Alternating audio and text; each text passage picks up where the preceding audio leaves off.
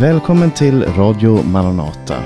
Jag heter Paulus Eliasson och nu var det några veckor sedan jag gjorde en episod i serien En nyckel till Bibeln.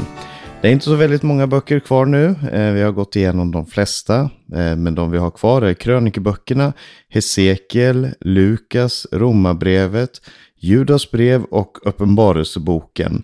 Eh, och idag så tänkte jag att vi skulle tala om de två krönikeböckerna som vi har i Bibeln. Och när man kommer till dem i sin bibelläsning så tänker man antagligen, vänta lite nu, läste inte jag precis det här? För i Samuelsböckerna och kungaböckerna så finns mycket av det materialet som vi också möter i krönikeböckerna. Och det stämmer. Men det stämmer ändå inte. Och jag ska försöka förklara idag lite vad krönikeböckerna handlar om och varför de hör hemma i Bibeln.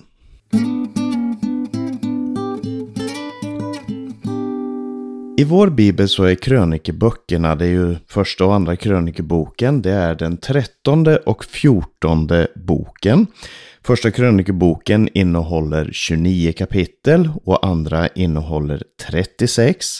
Eh, och de tar, ja det tar ungefär två timmar att läsa första krönikeboken och två och en halv timme att läsa andra. Så det blir som två filmer ungefär i, i tid. Om man, skulle, om man vill läsa igenom dem.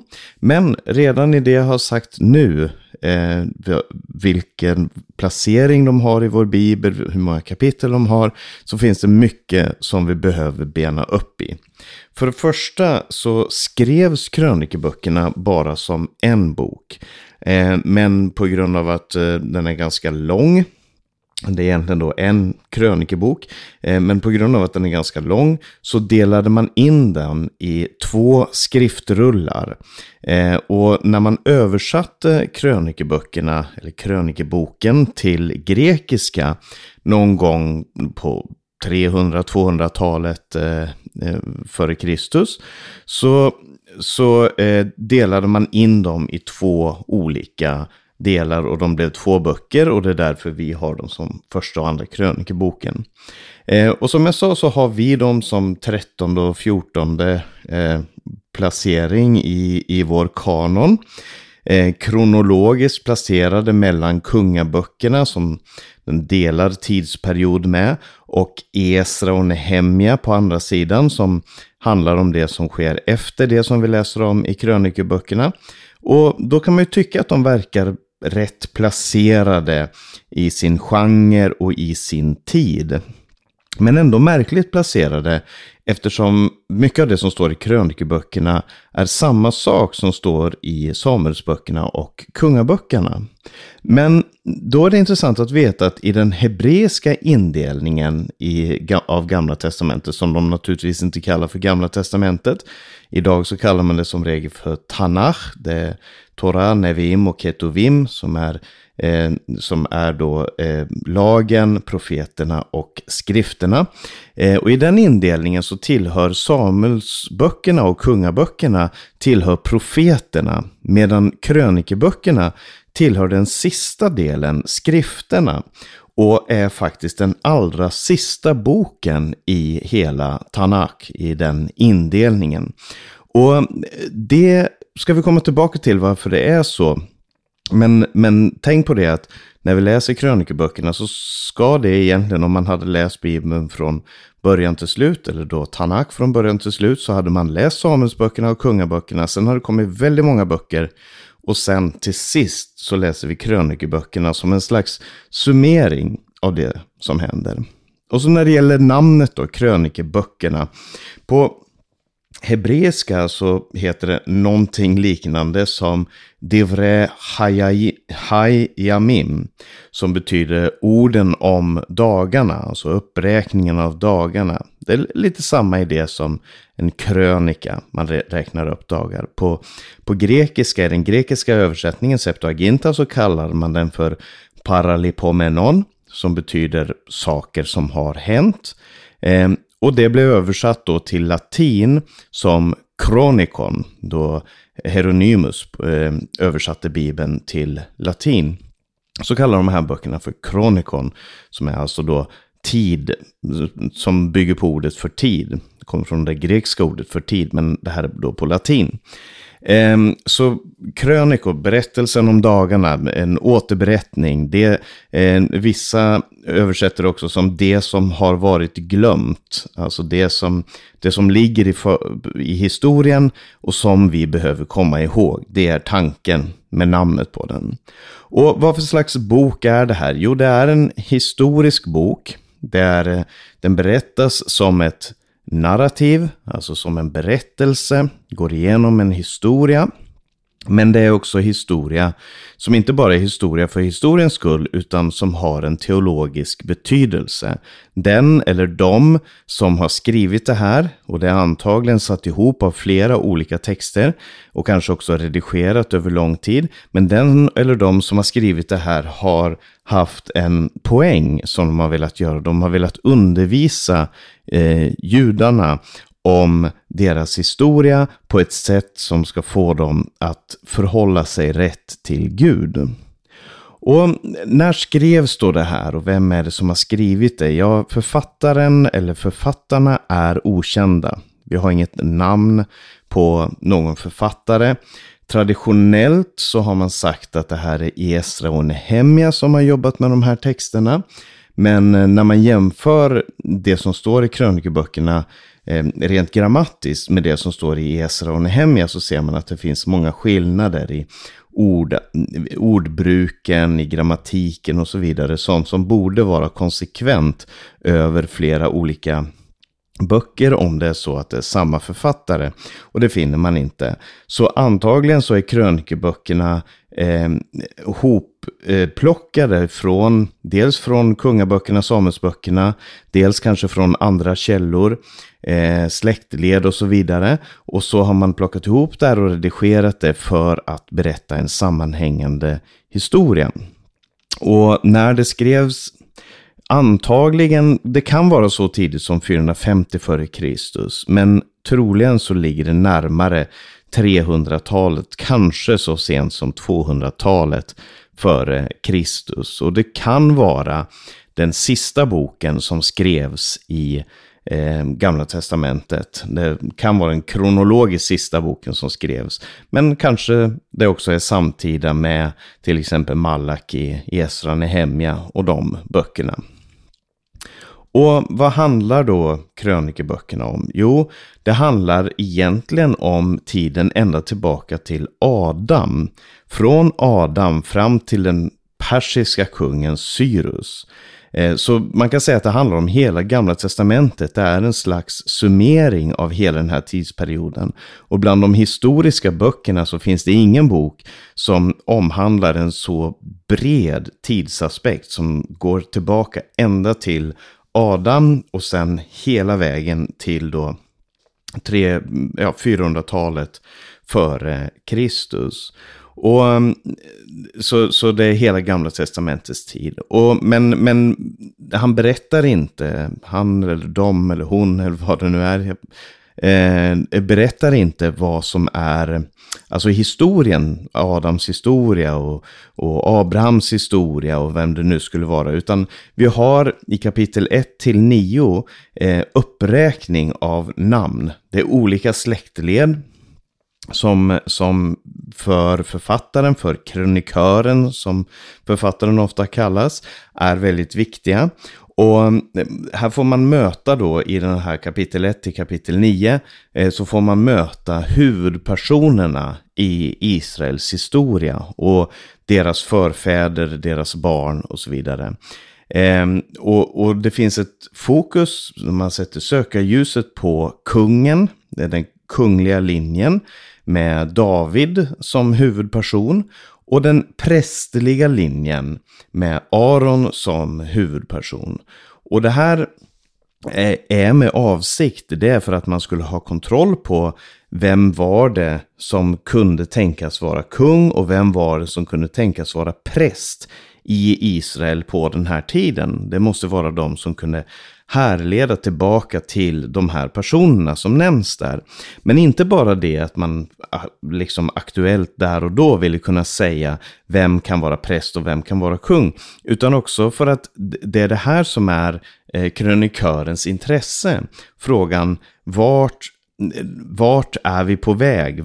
Vem är det som ska rädda oss? Vem är det som ska frälsa oss? Jo, det är en ny kung och en ny präst. Löftet som Gud gav till kungen och till prästen, det är det som är det viktiga för oss. Och Så den här texten är då riktad till de som återvände ifrån fångenskapen i Babylon och som väntade på att Messias skulle komma, en befriare, en som kunde hjälpa och befria folket.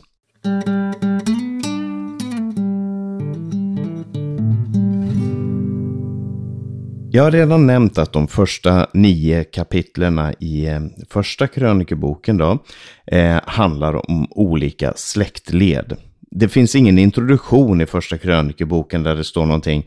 Här börjar berättelsen om, eller det här är nedtecknat av, eller Herrens ord kom till denne. Utan det börjar med Adam, Seth. Enos och så vidare. Det är en ganska abrupt inledning i den här texten. Eh, det börjar bara med ett namn, Adam. Eh, och så följer vi då som sagt två olika linjer. Vi följer Eh, kungen David. Vi följer också Saul och vi ser hans familj eh, som var den första kungen. Och så ser vi kung David och hans familj. Och vi följer också prästerna och Aron. Vi ser, det finns också uppräknat där vilka som vände tillbaka ifrån fångenskapen i Babylon. Och det här kan vara för oss som läser det idag kan tänka, ja men det här är inte vi vana vid. Vi vill höra sån här undervisning om Eh, vad betyder Jesu försoningsstöd för oss? Eller Herren är min herde, mig skall inte fattas. Vi vill höra eh, lag eller undervisning på det sättet. Men vi måste förstå att för Bibelns författare och för den här kronikören så var det viktigt att berätta inte bara det här borde du göra, så här borde du tänka. Utan att berätta Israels och judarnas då framförallt historia Eh, på ett sätt som skapade en identitet för det här folket. Eh, man, man behövde förstå var man kom ifrån och vilka löften Gud hade knutit till dem för att förstå vart man var på väg. Och när nio av, det, det är 65 kapitel i krönikeböckerna i första och andra, och nio av de kapitlerna det är alltså 14 procent av alla kapitel. Jag har inte kollat hur stor del det är av textmassan, men det är säkert någonting liknande. Eh, 14 procent av de kapitlerna handlar om namn. Då är det viktigt för den som har skrivit det här för att berätta någonting centralt. Och det kan vara att det inte ligger på ytan. Det är inte så att han förklarar det och trycker in det med en liten tesked för oss och säger att det här säger jag för att du ska förstå hur, viktiga, hur viktigt det är med det här och det här. Utan det här var formande formgivande texter som, som integrerades i de här människorna som lyssnade på det så att det blev en del av vem, vad de var. När de tänkte på de här texterna, när de gick igenom de här namnen, så var det som att det som hade skett i historien blev en verklighet för dem där och då. Precis som jag idag, trots att jag befinner mig 3000 år ifrån Adam och ännu mer än det, 3400-500 år eh, efter Adam, så sitter jag, eh, Abraham, så sitter jag här och känner att när jag läser texten om Abraham så talar det direkt till mig. Det talar in i mitt liv och i min situation. Eh, trots att det skrevs ner av eh, människor för, för flera hundra och flera tusen år sedan. Och jag tror att krönikören önskar att, att eh, folket, Israels folk, judarna, ska, ska få den här känslan att Gud är med i alla situationer och Gud har varit med i historien och han kommer vara med också i framtiden. Det är vad de första nio kapitlen handlar om.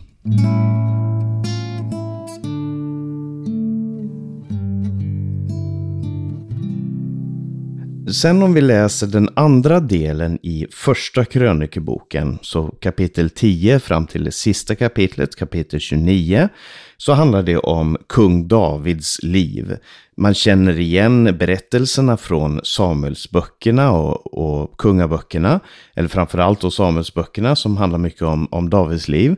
Men det intressanta när man läser krönikeböckerna är att se inte bara vad som eh, är likt, men också vad som är olikt mot Samuelsböckerna. Och det som är olikt i berättelsen om kung Davids liv är att krönikören har väldigt sällan med någonting negativt som David gör. Eh, han visste naturligtvis eh, att det fanns där. Han hade läst det i kungaböckerna. Han hade, eh, det, det var fullt möjligt för alla att läsa det. Men av någon anledning, och det kan vi tänka lite på, så berättar han bara de positiva sakerna. Och jag tror att anledningen är, och många menar det, att anledningen är att han presenterar kung David som en idealbild för hur en kung ska vara. Vi kan ju till exempel säga så här, vi ska ha en tro som Abraham. Eller vi ska, vi ska ha en kärlek så, som den här personen. Eller vi ska vara trofasta som den här personen. Vi ska vara trofasta som, som Daniel eller som Sadrak, Mesak och Abednego. Trots att vi vet att det här var människor som antagligen i väldigt många olika situationer inte alls var trofasta. Inte alls gjorde det de skulle. Och vi vet om Abraham och vi vet om Josef och flera andra. Att det var människor med brister. Men ändå så kan vi presentera dem på ett sätt som gör att de får stå som idealbilder eh, utan att man är förljugen eller, eller eh, ja, utelämnar någonting som är viktigt att veta. Så han berättar om Davids liv och eh, använder honom som en idealbild för att peka fram emot den kommande David som Gud har gett löfte om. Och mot slutet av sitt liv i den här berättelsen så får David ta emot ifrån Gud planerna för det templet som hans son Salomo skulle bygga. Så han blir som en slags Mose. Eh, Mose läser vi om i, i eh, Moseböckerna att han fick ta emot planerna för tabernaklet ifrån Gud. Och på samma sätt så får David då ta emot planerna för templet som sen hans son Salomo eh, implementerar och, och, och eh, eh, bygger upp det här templet. Eh, men det kommer vi till i andra krönikeboken. Det här var första krönikeboken.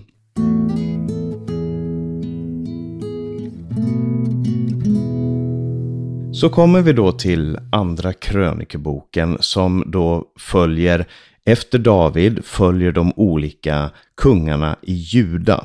De har inte med Israels historia. Efter Salomo så delas riket mellan, mellan Rehabiam och Jerobiam.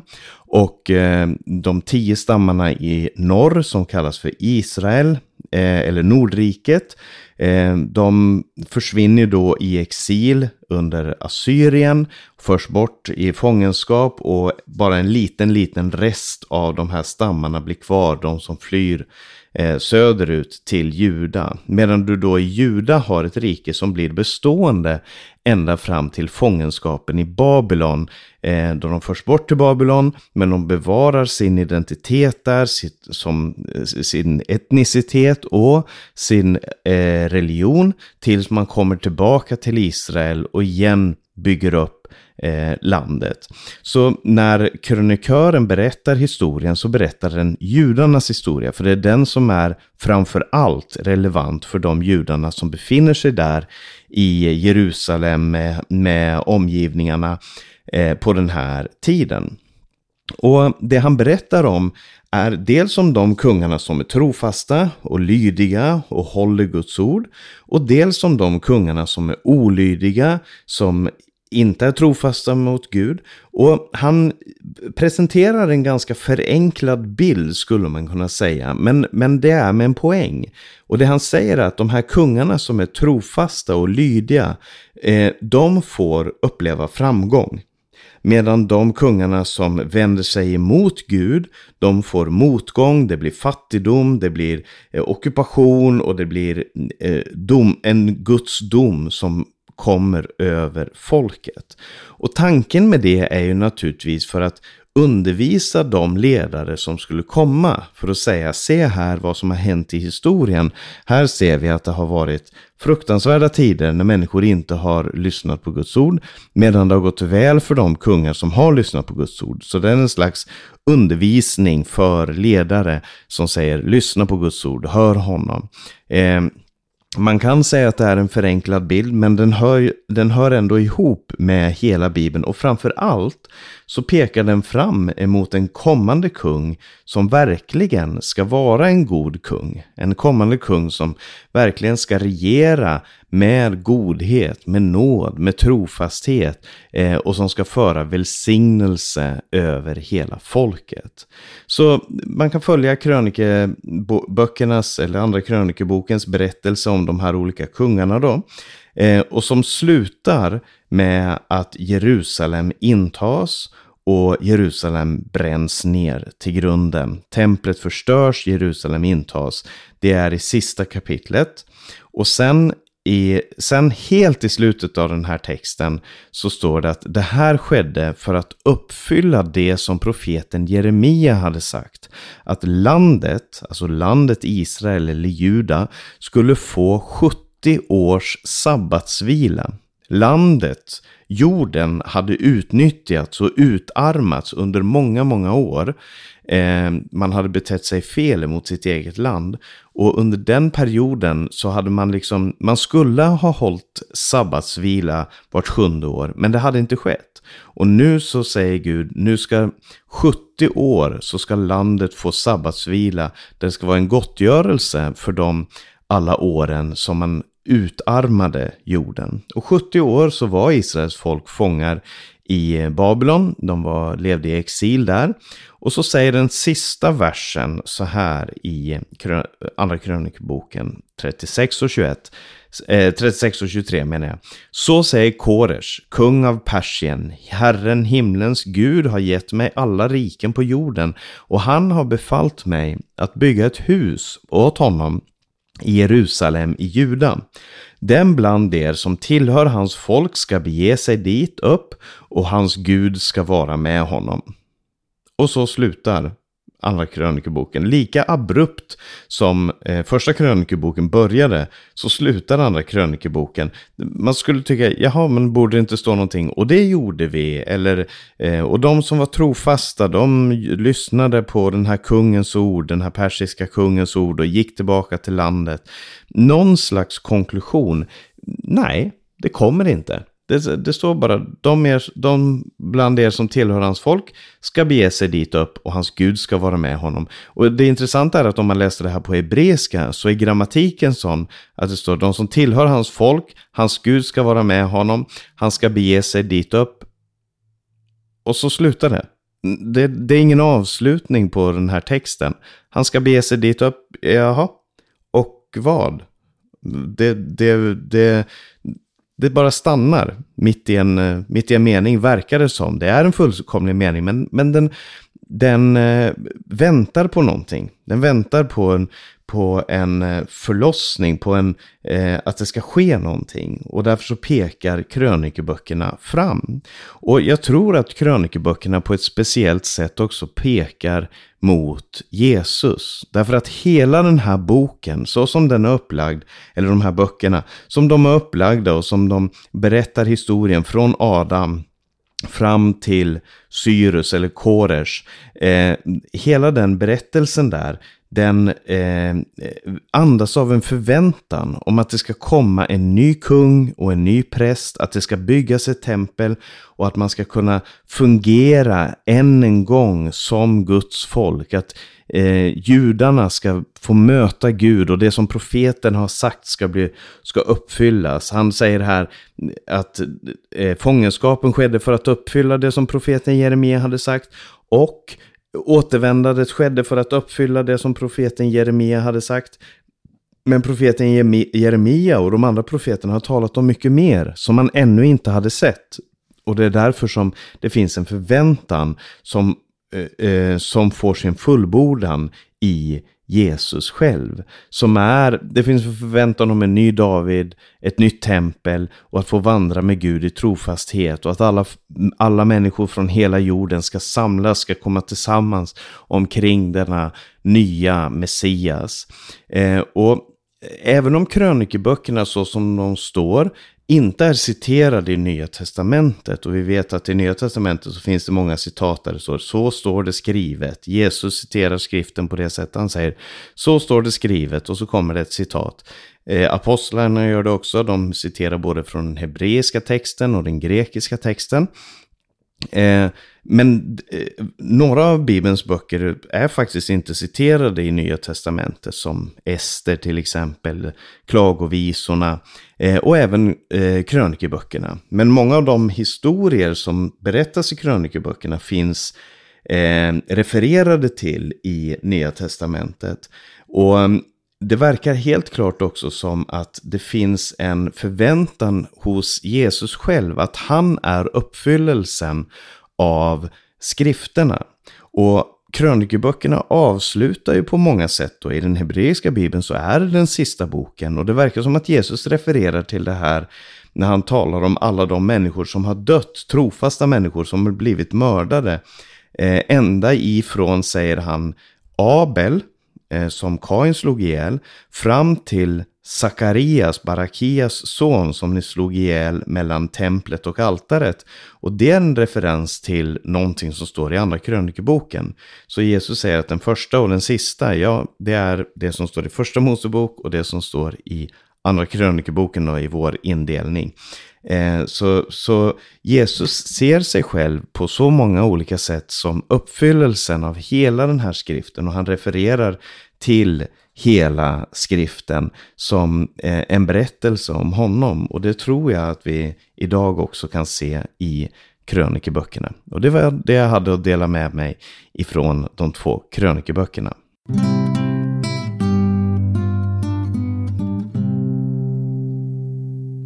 Jag tänkte att vi skulle lyssna på sången Se dagen kommer, en inspelning med Maranataförsamlingen ifrån slutet på 80-talet. Finns på kassetten Maranata, Maranata. Eh, men först ska jag bara nämna att du har lyssnat på Maranata Podcast. Jag heter Paulus Eliasson. Det här programmet har sänds över Stockholm och Örebro närradio.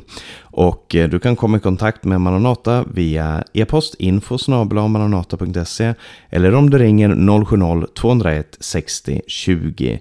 Sprid Guds välsignelse till alla du möter och på återhörande.